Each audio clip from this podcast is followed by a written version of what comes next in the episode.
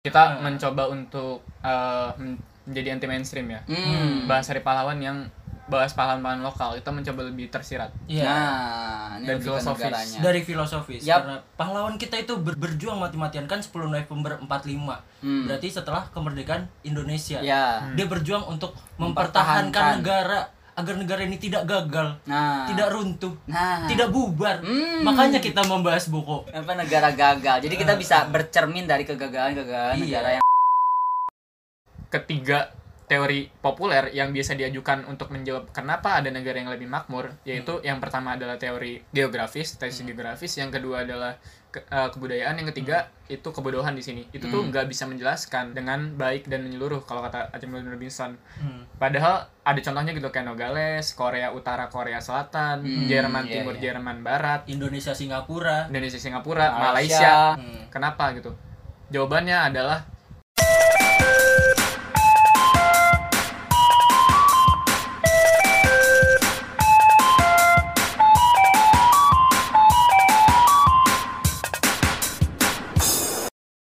Halo, selamat datang di Mapaba. Mari pada baca.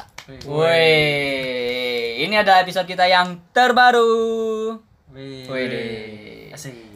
Jadi hari ini hari Senin dan bertepatan besok tuh tanggal 10 November. Hari- Tanggal 10 November ada apa sih, Des? Ada hari Selasa.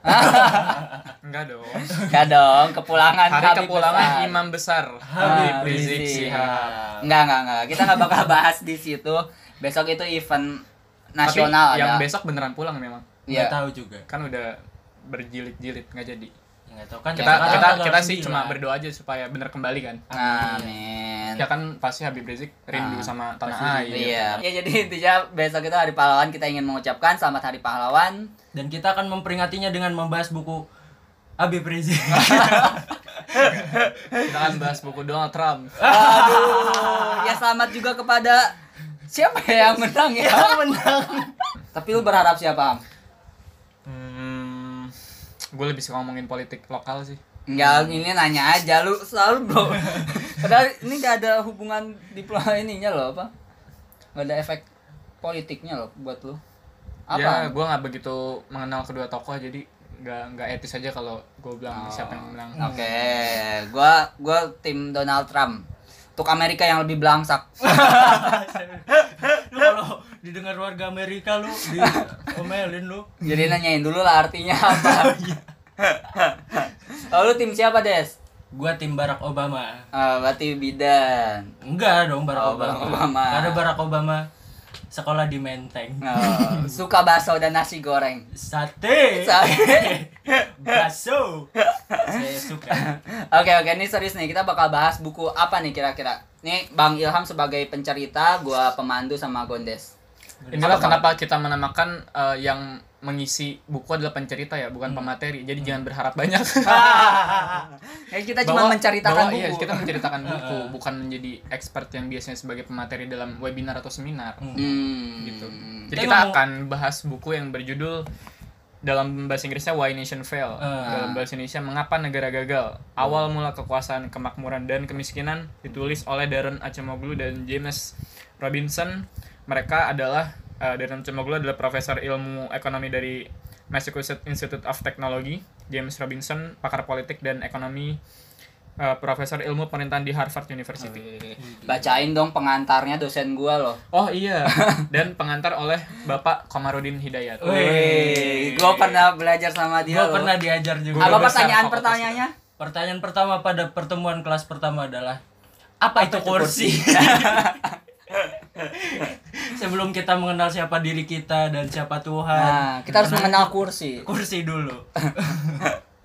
Menarik, menarik, menarik. Tapi kita nggak bakal bahas Pak Komar, kita bahas bukunya aja. Jadi buku ini tuh menceritakan tentang apa sih, Am? Apa hubungannya sama Hari Pahlawan, Pres? Dan Lu yang ngasih. Sebenarnya nggak ada hablumnya ya. Jadi kebetulan gua udah lama baca buku ini terus pengen menceritakan buku ini. Eh. Terus lu nyambung-nyambungin ke hari pahlawan kan? apa kita cari hablumnya dulu? Cari sebelumnya dulu.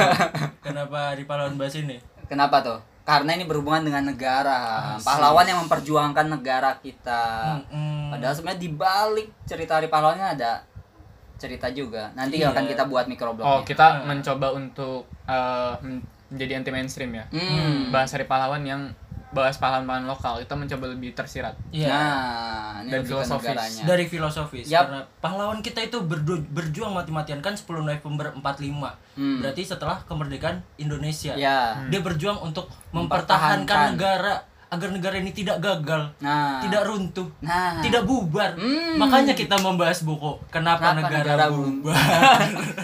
apa negara gagal. Jadi kita bisa bercermin dari kegagalan-kegagalan negara yang supaya sebelumnya. kita juga bisa mengikuti jasa-jasa para pahlawan Nah. kita yang mempertahankan negara ini. Yap, mungkin contoh paling eh, umum dari buku ini ini kayak Uni Soviet ya Am ya. Oh iya, em, USSR. di sini banyak diberikan contoh Mhm. dan pembahasan mengenai Uni Soviet yang dulunya secara pertumbuhan ekonomi itu tergolong besar bahkan dulu banyak eh, tokoh-tokoh ekonomi itu yang meramalkan Uni Soviet akan melampaui pendapatannya Amerika Hmm. tapi justru malah di tahun 90 eh, bubar Hmm. 91 kalau nggak salah ya terakhir Mikhail Gorbachev Hmm, ya Gorbachev. Padahal tuh di di era-era 60 70-an tuh eh, Uni Soviet unggul di beberapa sisi kan kayak teknologi luar angkasa, terus teknologi Hmm, persenjataan hmm, dan terlihat ekonominya tuh akan menjadi salah satu raksasa dunia lah. Hmm. Dan waktu itu sesumbarnya eh, perdana menterinya Soviet, gue lupa siapa namanya, yang bilang kami akan melumat kalian semua, maksudnya negara-negara barat. Hmm. Sekarang udah nggak ada. Dia yang dilumat. Oke, kita tinggalkan dulu pembahasan tentang Uni Soviet. Mungkin kembali ke pertanyaan pertama nih Ham. Hmm. Apa sih buku ini tuh nyeritain tentang apa sih? Yang pasti eh, udah tersirat di dalam judulnya ya. Mhm. di dalam buku ini si penulis kedua penulis ini tuh dia melakukan uh, studi penelitian selama 15 tahun yang uh, tujuannya untuk sebenarnya menjawab pertanyaan sederhana Hmm. mengapa ada negara yang makmur dan mengapa ada negara miskin Hmm. nah pertanyaan seder pertanyaan sesederhana itu dan dari buku ini akan terulas lah jawabannya Hmm, banyak 500 halaman lebih ini Berarti 11 12 sama bukunya Jared Diamond yang Gundam Ah, Pencil itu kan. ya itulah Dia yang kan paling menarik Ah. sebenarnya uh, gue ngerasa gue kan udah baca yang ini ya yang Jared Diamond kan Hmm, yang pernah dibahas uh, juga kan? BKB besi eh bedil kuman dan baja pernah dibahas di episode sebelumnya di mari pada baca Iya. Hmm. terus uh, ada sapiens juga yang Yuval dan dan yang ini mengapa negara gagal menurut gue ketiga buku ini uh, termasuk dalam satu tema pembahasan yaitu ngebahas pra- sejarah peradaban Indonesia kan dan mencoba menjawab uh, kenapa ada negara yang lebih kaya dan kenapa ada yang negara yang lebih miskin kan Hmm. kalau di Jared Diamond itu uh, lebih tesisnya tuh lebih uh, mengacu dan dominan kepada jawabannya adalah karena alasan geografis Hmm. Hmm, dan belajar dengan- ditarik lebih jauh ke belasan ribu tahun lalu lah. Ibarat kalau misalnya di Jared Diamond kan dia bilang eh, kenapa ada negara yang lebih makmur, kenapa ada yang lebih maju, kenapa ada yang lebih kaya, dan Hmm. kenapa ada yang lajunya lambat kan. Jawabannya adalah secara langsung berkat adanya itu apa bedil, kuman dan baja. Negara yang memiliki ketiga ketiga hal tersebut akan menjadi negara yang lebih maju kan. Nah, itu kan penyebab secara langsung, tapi ada penyebab yang lebih mendasar Hmm. kenapa misalnya negara tersebut punya senjata yang Ya. lebih canggih se- Hmm. di, di di sejarah sebelum sebelumnya ya Hmm. nah itu dijawab dari eh, pengaruh domestikasi hewan hewan ternak Hmm. ada belahan-belahan bagian tertentu yang yang mereka tidak mendapatkan eh, kekayaan alam atau Ah.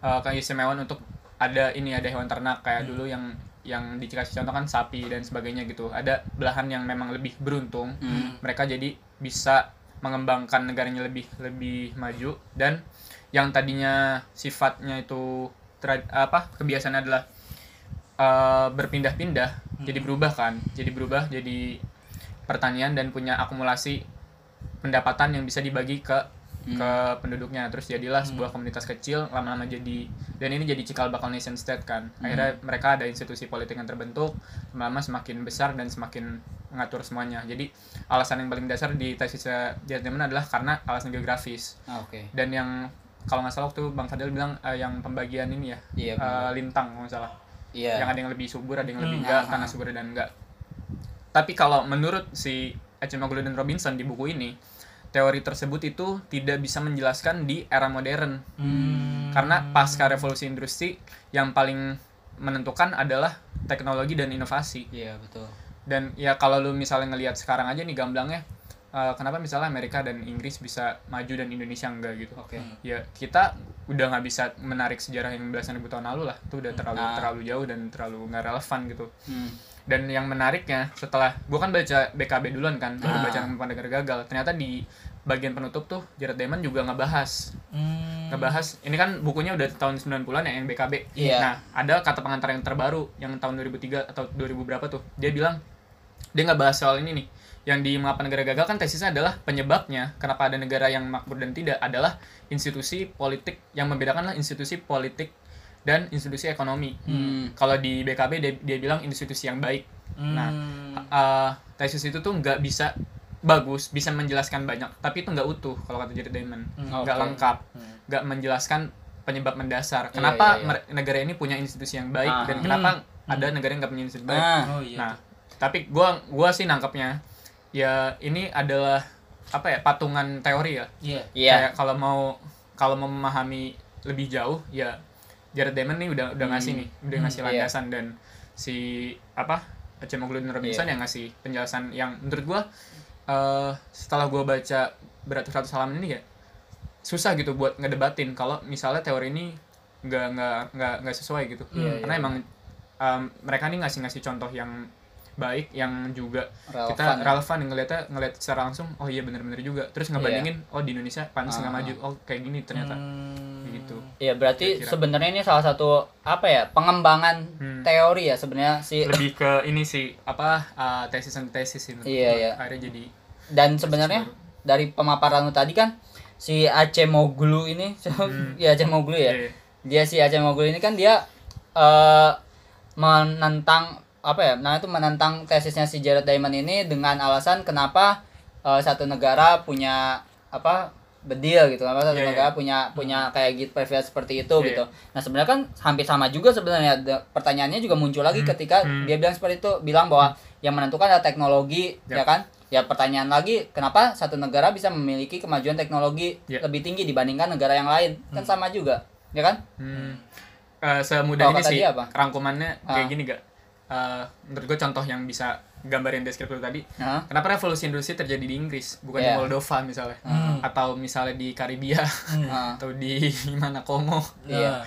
ya karena itu udah jadi warisan eh, sejarah ratusan sebelum Ah, tahun ah, sebelumnya ah, yang ah. memang sebelum revolusi industri Iya. itu ada namanya eh, glorious revolution revolusi yang maha agung Ah. dari revolusi dari fase revolusi yang maha agung mulai muncul kelas-kelas eh, apa ya pengusaha dan kelas-kelas yang mendukung terjadinya revolusi Mhm. industri dan terjadi apa ya munculnya orang-orang yang bisa memiliki apa ya pengetahuan dan bisa uh, menciptakan penemuan dan sebelum Gl- Glorious Revolution tadi yang tahun 1688 kalau nggak salah itu pun juga udah jadi Iya. warisan Ah. kalau memang di sana tuh uh, jadi yang Glorious Revolution itu adalah uh, revolusi yang akhirnya mencopot uh, hegemoni kerajaan Oh, kerajaan Inggris waktu itu iya. yang uh, dia monarki absolut terus bisa dibawa ke agak-agak parlementer lah jadi Oke. ada ada peran ada peran parlementer Ah, di situ Hmm. untuk lakukan pengambilan kebijakan dan keputusan itu nggak nggak serta merta kerajaan yang absolut gitu Hmm. tapi ada sumbangan dari uh, para tadi Nah kalau misalnya, nah itu maksudnya kalau misalnya jawab tadi itu jawaban di buku ini Iya, Renaissance File. Berarti kan itu ha- hampir sama dengan penarikan ke ini ya jawaban si Jared Diamond juga kan, Yep. maksudnya. Nah ada nggak sih kan tadi lu bilang si Acemoglu ini kan eh, antitesis dari si Jared Diamond ya. hmm, Nah jawaban yang yang yang Acemoglu banget tuh gimana sih? Ini susah banget sih namanya bangsa. kalau Sunda Acemoglu jadi kita apa tadi ini? karena pertanyaannya langsung gondes apa ngegiring buat bahas Jared Diamond versus Ah, Acemoglu, iya. kita lupa ngebahas bukunya yang secara secara menyeluruh ya. Ah, iya, Eh, mungkin tuh bisa jadi tuh. di awal itu buk, si Acemoglu dan Robinson Ngomong-ngomong lu liberal banget ya, Men. liberal ismi nih. Ilham pakai baju liberal ismi. Freedom, Equality, Justice. Ya eh, bukunya itu dibuka dari kisah eh, Nogales. Lu pernah dengar Nogales nggak? Enggak. Jadi itu Negara ada bagian. ya sebuah kota apa negara bagian kayaknya di Amerika. Jadi dia tuh satu satu daerah satu sa- geografis. Hmm. Dia sebelahan. Yang satunya ada di negara Meksiko, yang satunya ada di United States. Kita bisa tebak yang mana pendapatan per kapita yang lebih tinggi. Yang ada di United States dong. jelas karena di Meksiko jadi kartel Kartel narkoba. dia dia coba ngeban narasinya dari situ lah Eh, padahal dari daerah yang sama geografis yang sama budaya yang sama tapi Hmm. kenapa eh, misalnya tingkat pendidikannya lebih tinggi yang di US pendapatannya lebih tinggi di US Hmm. terus berarti ketiga teori populer yang biasa diajukan untuk menjawab kenapa ada negara yang lebih makmur yaitu yang pertama adalah teori geografis tesis geografis yang kedua adalah ke- eh, kebudayaan yang ketiga itu kebodohan di sini. Itu tuh nggak bisa menjelaskan dengan baik dan menyeluruh kalau kata Aceh Robinson. Hmm. padahal ada contohnya gitu kayak Nogales Korea Utara Korea Selatan Hmm, Jerman iya, Timur iya. Jerman Barat. Indonesia Singapura. Indonesia Singapura Malaysia, Malaysia, yang Malaysia. kita sama-sama tropis loh. Tapi Ah. Singapura maju kita enggak Malaysia lebih maju kita enggak Hmm. kenapa gitu? Jawabannya adalah institusi ekonomi dan institusi politik Hmm. yang lebih berpengaruh di sini institusi politik sih gue ngeliatnya. Hmm. ada yang dinamakan institusi uh, politik yang inklusif dan ada yang dinamakan dengan institusi politik yang ekstraktif. Begitupun yang ek- yang ekonomi. Ada institusi ekonomi yang inklusif dan ekstraktif. Nah negara maju itu uh, menganut institusi yang pol- baik politik dan ekonomi yang inklusif. Yang inklusif tuh yang kayak gimana sih? Hmm. yang uh, memberikan uh, apa ya kebebasan untuk penduduknya untuk berpartisipasi dalam ekonomi memberikan inten- uh, insentif inovasi ada perlindungan hak-hak sipil perlindungan Ah. kekayaan hak milik pribadi Hmm. terus uh, hukum juga uh, supremasi hukum tegakkan dengan baik Hmm. yang sebaliknya di ekstraktif yang kebalikan dari nilai-nilai tadi Hmm. tidak ada inovasi tidak ada insentif terus uh, terlalu apa ya banyak sumber-sumber daya di negara tuh yang dikuasai oleh hanya segelintir elit Oh, oke. jadi uh, nggak dibebaskan gimana ya ibarat contoh deh kayak di Korea Utara misalnya kalau lu lulus kan beda ya sama saudara yang di Korsel kalau Ah. lulus kan lu pengen lu ada pikiran gitu yang di Korsel buat gue mau belajar setinggi mungkin nih gue mau Iya. berinovasi gue mau dagang apa aja boleh Hmm, ya iya. kan Gua tapi kalau di kalau di korut pasti lu Ah. kan lulus terus didoktrin gimana cara apa uh, mem- mempertahankan komunisme kan terus ya udah lu nggak punya kesempatan buat berdagang nggak punya kesempatan buat um, ngelipat gandakan kekayaan lu karena itu dilarang gitu Hmm. jadi ya udah kayak gue sih gampangnya uh, mikirnya kayak mari pada baca aja misalnya Hmm. ini podcast nih misalnya Hmm. Anggaplah udah punya keuntungan Nah, profit yang lumayan ya kan. Hmm. terus kita masing-masing personilnya dikasih kom- kompetisi nih buat gimana cara ningkatin podcast kita. Ya kita masing-masing bakal berlomba dong nyari ide kreativitas. Akhirnya muncullah inovasi-inovasi baru. Hmm. tapi kalau disamaratakan kita misalnya dapat pendapatan dan udah nih lo mau usaha kayak gimana lo dapatnya segini. Hmm. ya orang juga males dong buat buat apa berkreasi lebih lebih banyak. Hmm. itu ibarat apa ya pertarungan ya sosialisme dan dan ini ya kapitalisme lah Hmm. di sini dan cenderung sangat kelihatan banget lah kalau di Daran Cemalu dan James Robinson ya mengagungkan kapitalisme melawan komunisme karena di sini juga ngebahas Cina dan Soviet kan kayak mojokin Oh, banyak-banyak negara sosialis komunis yang dibilang menuju gagal lah Iya, iya. Tapi kalau misalnya dibilang kalau misalnya apa institusi yang extraversion itu yang kayak komun- Ekstraktif. eh, Ekstraktif. ekstrak ekstraktif itu jadi psikologi loh extraversion yang ekstraktif itu yang kayak negara komunis yang tertutup yang Yap. dipukul rata semuanya ya terus gimana sama Cina yang dengan partai komunisnya Ya, itu ya. pres oh dia kenapa bisa lebih maju daripada kayak itu pertanyaan yang sama ya kalau misalnya apa baca buku ini ya? Kayak kan di di 100 halaman pertama tuh sebenarnya lu udah udah udah nangkap lah. Apa sih jawabannya? Kenapa ada negara makmur dan enggak? Hmm. jawabannya Ah. itu soal institusi kan. Terus Hmm. eh, pasti selalu baca tuh lu jadi mikir kan kayak perasaan Cina sekarang tuh ini ya komunis ya? Iya. dan apa ya nggak nggak terlalu bebas lah. Media juga di situ dikekang kan. Hmm. terus kenapa tapi apa pertumbuhannya Cina itu nan- lagi nanjak sekarang? Hmm. nah eh, mereka berdua ini ngelihat ada persamaan sejarah gitu dengan Uni Soviet. Dulu Uni Soviet tahun-tahun 60 70-an juga digadang-gadang kan akan menjadi negara adidaya kan tapi ternyata hancur. Hmm. katanya eh, pada titik tertentu pertumbuhan itu akan stagnan.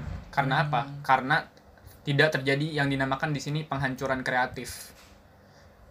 Yang contohnya misalnya kayak di revolusi industri industri. Eh, di sini kan dijelaskan bahwa revolusi industri itu membawa kemakmuran kan Mem- membawa eh, inovasi di mana-mana gitu nah Hmm. walaupun dia udah terjamin membawa kemakmuran dan membawa kekayaan dan kesejahteraan Hmm. tapi di era itu nggak semua orang menerima dengan baik travel industry Hmm. dan nggak nggak semua negara uh, kayak welcome ayo ke negara kita gitu karena karena apa karena takut kekuasaannya hilang Hmm. kayak uh, udah ada yang ada udah ada segelintir elit yang ada di status quo ya Hmm. ketika ada terjadi hal yang revolusi yang menyeluruh kayak gitu ya yang selama ini aset-aset yang dia punya hilang dong. Hmm. nah mereka mereka takut kayak gitu. Nah contohnya di Cina si Acemoglu Robinson ngegambarin juga kayak gitu.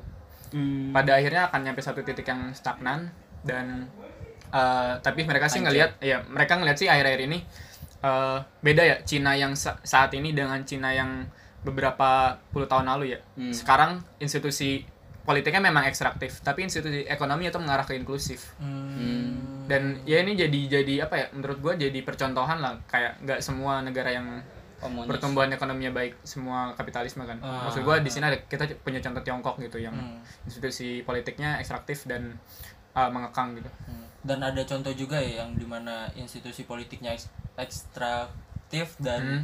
ekonomi ekstraktif juga.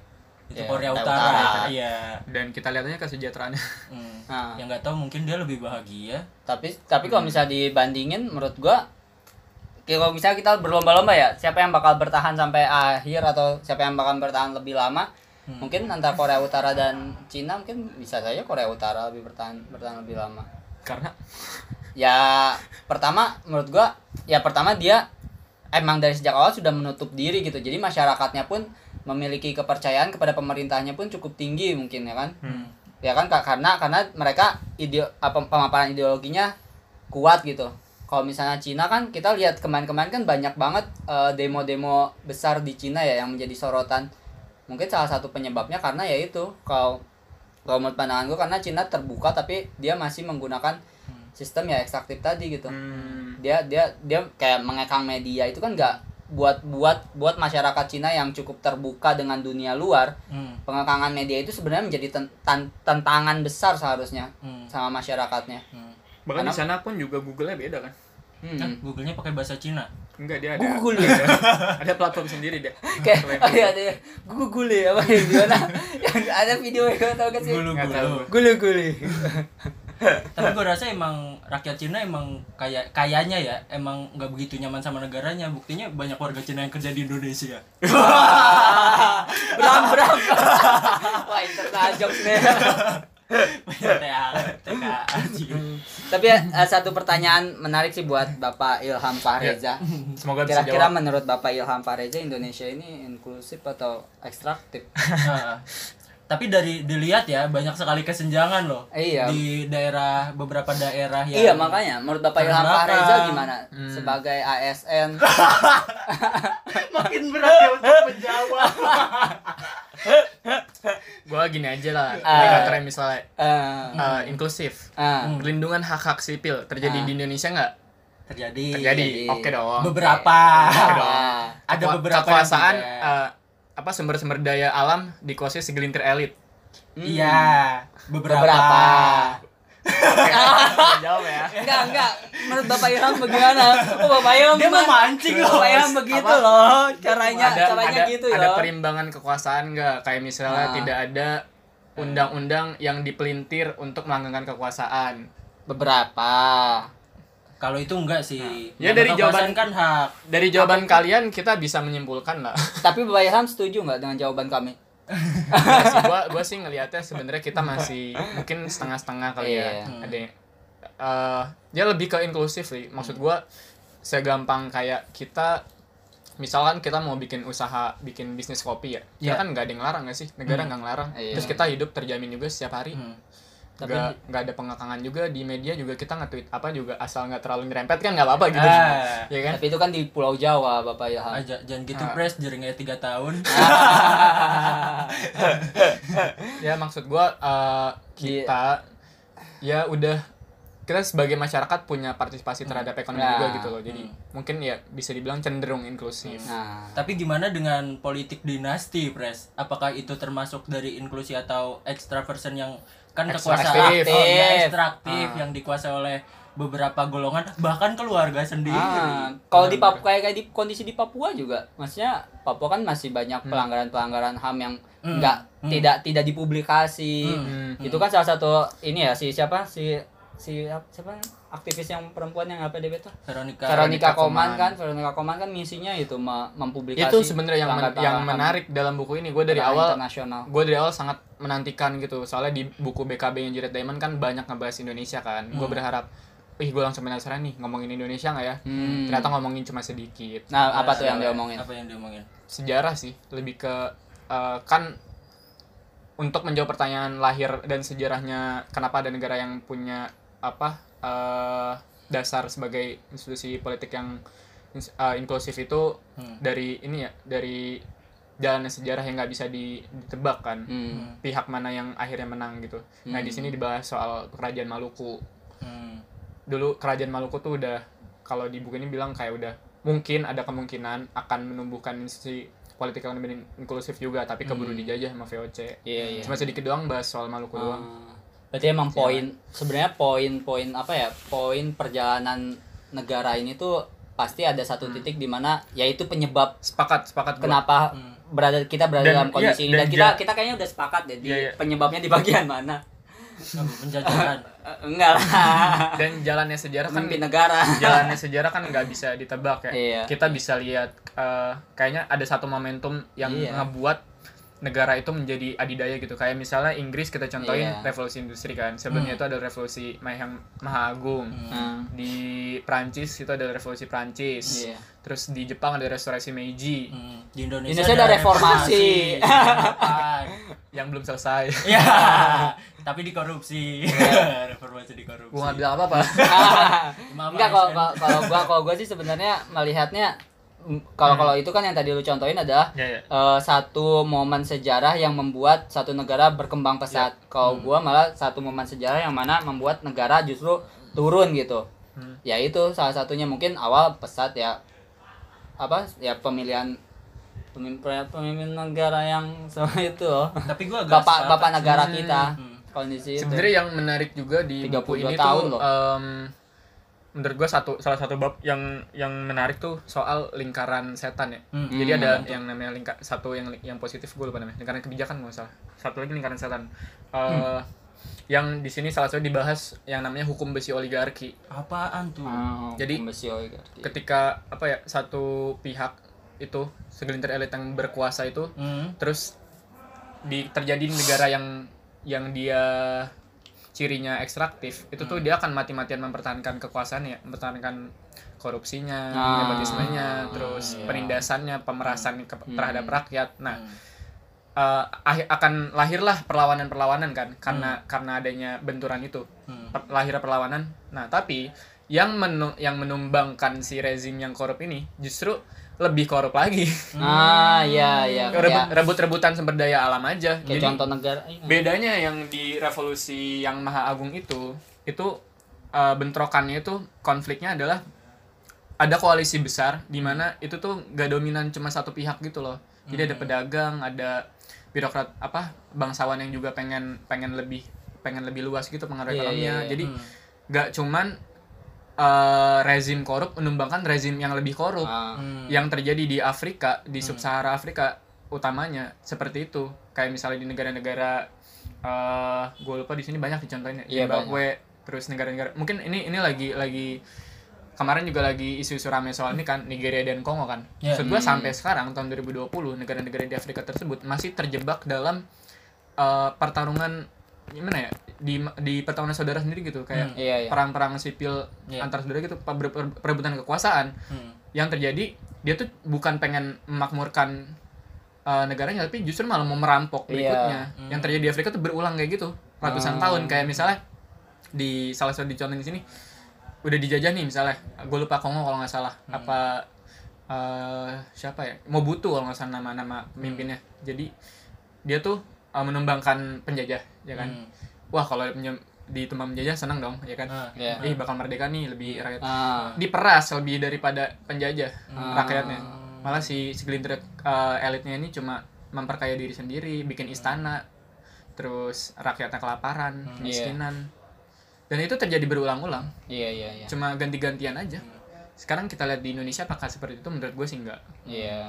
Enggak. Masih. Bener- tapi pernah tapi pernah terjadi gitu ya kan di waktu di orde baru Ah, Orde Baru, reformasi dan ternyata dan itulah kenapa kenapa pentingnya ada kontrol.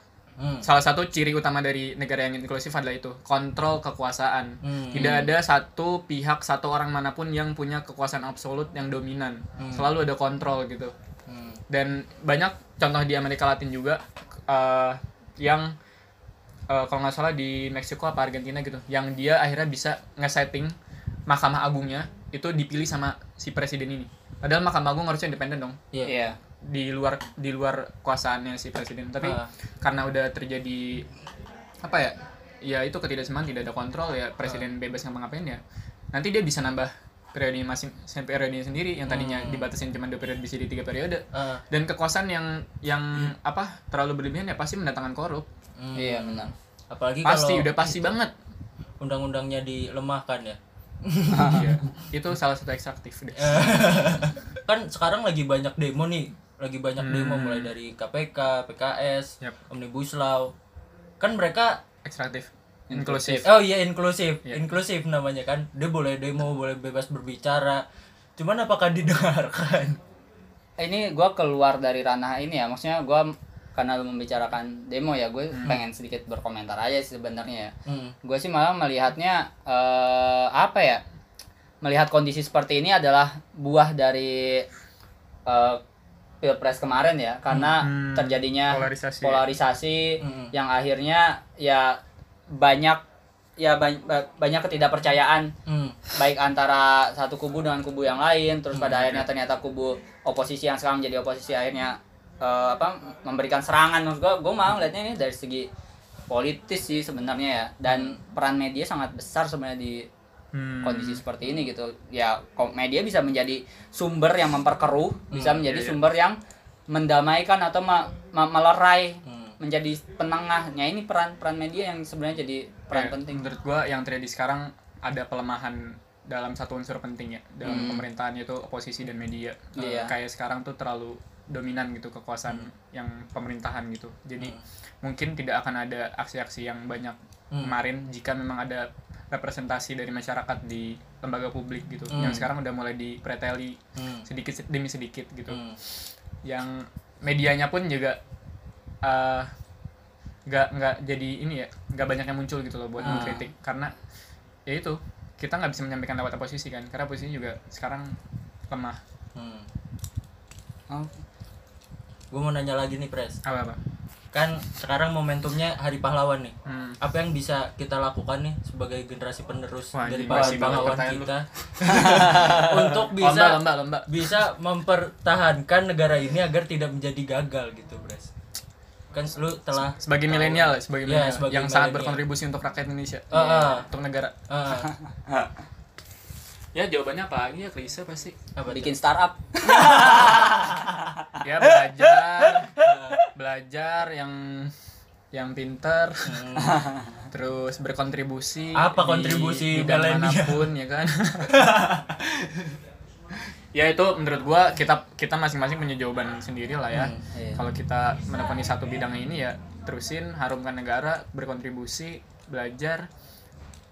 Ya beda-beda lah pasti jawabannya. Hmm.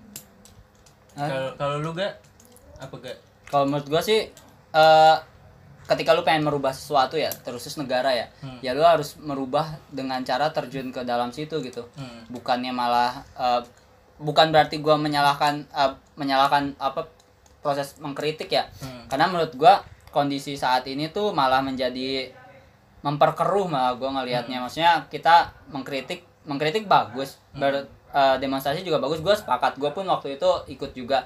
Cuman di satu sisi eh, da- da- dalam satu sudut pandang gue melihat bahwa ini ada ketidakpastian gitu dalam bentuk banyak hal da- terus dalam hal informasi ya Hmm. ada ketidakpastian yang yang diterima oleh masyarakat Hmm. nah di situ gue berpikir bahwa ya sebenarnya cara terbaik untuk memperbaiki negara saat ini ya lu terjun ke dalam sistem gitu. Hmm. terjun dalam sistem negara menjadi pemimpin yang baik dan jujur ketika nanti lu udah berada di posisi itu. Tuh dengerin ASN menurut gua itu sih kondisinya. Hmm. karena ya ya emang mungkin semua orang berpikir seperti itu ya. Bahkan mungkin eh, yang sekarang menduduki jabatan di eh, kursi sekarang pun pasti mereka juga dulunya ketika muda, ketika Ah. mahasiswa menggebu-gebu untuk menjadi seperti itu. Nah, berarti tugas kita sekarang adalah mempertahankan semangat lu saat ini gitu. Hmm. Semangat untuk mempertahankan negara, memperbaiki negara, Hmm. memikirkan masyarakat. Itu yang harus dipertahankan sampai nanti lu jadi Hmm. pemimpin gitu. Tapi kalau menurut gua kalau misalnya lu tidak bisa menjadi baik ya seenggaknya jangan memperburuk lah. Nah, Eh, dan ngerepotin iya jangan ngerepotin gitu. Negara udah capek-capek nih apa kontribusi Anda Ah, milenial? ah. Ka- karena ini sih bro, ini menarik sebenarnya gue suka banget pembahasan kayak gini ya. Menarik karena kayak ini sih sekarang kan era disruptif ya. Ada ya orang bilang bahwa ini ada disruptif era, era ketidakpastian. Hmm. Di mana kemajuan teknologi di bidang media ini menjadi apa ya? Menjadi eh, simpang siur buat kita yang menerima masyarakat yang menerima kabar Hmm. ya satu-satunya kabar yang kita terima kan dari media Hmm. ketika media ternyata bisa disogok, media bisa di eh, bisa dijadikan alat politik, ya terus kita mendapatkan informasi ternyata ada kepentingan loh. Sadar nggak sih maksudnya inilah era disruptif yang kayak gini loh maksudnya itu yang yang sebenarnya menjadi ah Hmm. gitu sih. seru banget sih sebenarnya buku ini gua Terus sih.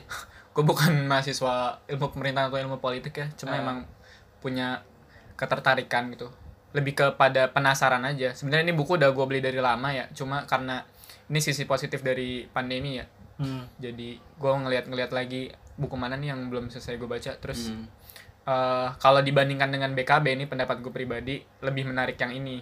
Karena di BKB ini eh, subjektif ya karena di BKB tuh lebih banyak bahas soal satwa pertanian dan sebagainya ilmu ilmu alam gitu. Jadi kayak gue nggak terlalu tertarik. Tapi di sini tuh kayak per halaman per bagian selalu ada cerita yang kalau lu suka banget dengan sejarah lu suka banget sama buku ini Hmm. karena itu kayak ngejelasin sejarah misalnya Inggris kenapa revolusi industri terjadi di Inggris Hmm. sejarah Prancis terus Mm-mm. di negara-negara Afrika juga Hmm. yang diktator-diktatornya wah kalau bilang jahat udah kayak Hmm. nggak nggak nggak nggak sesuai gitu kata jahat itu udah lebih dari jahat lah kayak Hmm. dia cuma ganti-gantian merasa aja rakyatnya dan Hmm. dia enak-enakan sendiri gitu terus ya banyak sejarah peradaban sejarah bahkan sampai ke Venesia juga yang dibahas di sini jadi seru banget sih bukunya parah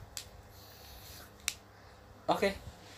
Eh, pertanyaan terakhir seperti biasa Ham. Eh, tolong berikan alasan kenapa sih kita harus baca buku ini?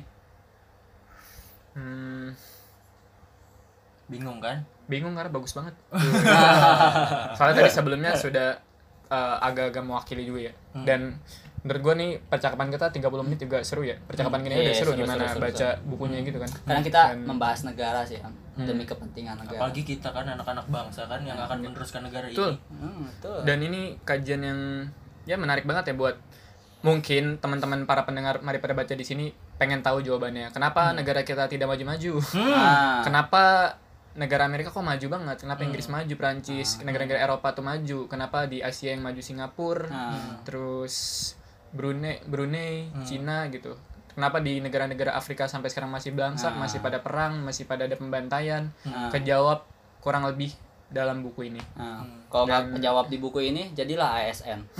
Kalian bakal tahu dari dalam. dan menarik nih untuk menutup apa diskusi kita ini c diskusi Asik. pencerita buku ini adalah gua kemarin nonton ILC Heeh. terus kayak pas banget nih Asik. ah, dari Mahfud Prof Mahfud MD Prof Mahfud Hmm. MD. Dia mengutip eh, kajian fikih dari Ibnu Taimiyah Hmm. hmm. Eh, seburuk-buruknya pemerintah negaramu selama 60 tahun itu masih lebih baik dibanding tidak ada pemerintahan selama satu jam Gila keren banget. Keren. Prof Mahfud idolaku. Madura top Madura MU. Rating dong. oh rating hmm, 9,5 gua Oke, dari dari 10 9,75 deh Asik, jadi nambah mulu. Oke oke oke. Eh, mantap banget, seru banget pembahasan buku Mengapa Negara Gagal pada episode kali ini. Hmm. ya Eh, bukunya bisa dibeli di Gramedia masih ada lengkap Nah, pasti dan penerbitnya Alex Media Komputindo. betul Terima kasih Pak Alex. harganya Eh, cukup Alex. Alex. penerbit Alex Media Kompetindo harganya cukup bersahabat Aha, 100. 80 ribu Oh, 80 ribu. Iya. Oh, buku setebal ini 80 ribu. dengerin dulu aja di rekaman ini ntar juga tertarik Ini di akhir loh lu minta dia dengerin di kan bisa dipotong terakhir. satu menit Oke, terima kasih Mas Ilham atas waktunya. ya saya ngambil waktu Makasih ASN. terima kasih udah mendengarkan podcast kita dari awal sampai akhir, Dari tengah sampai akhir. dari akhir sampai akhir. full jangan lupa follow instagram at mari pada baca At MR Johara. Terima kasih. Selamat Selamat membaca. selamat mendengarkan. Terima kasih.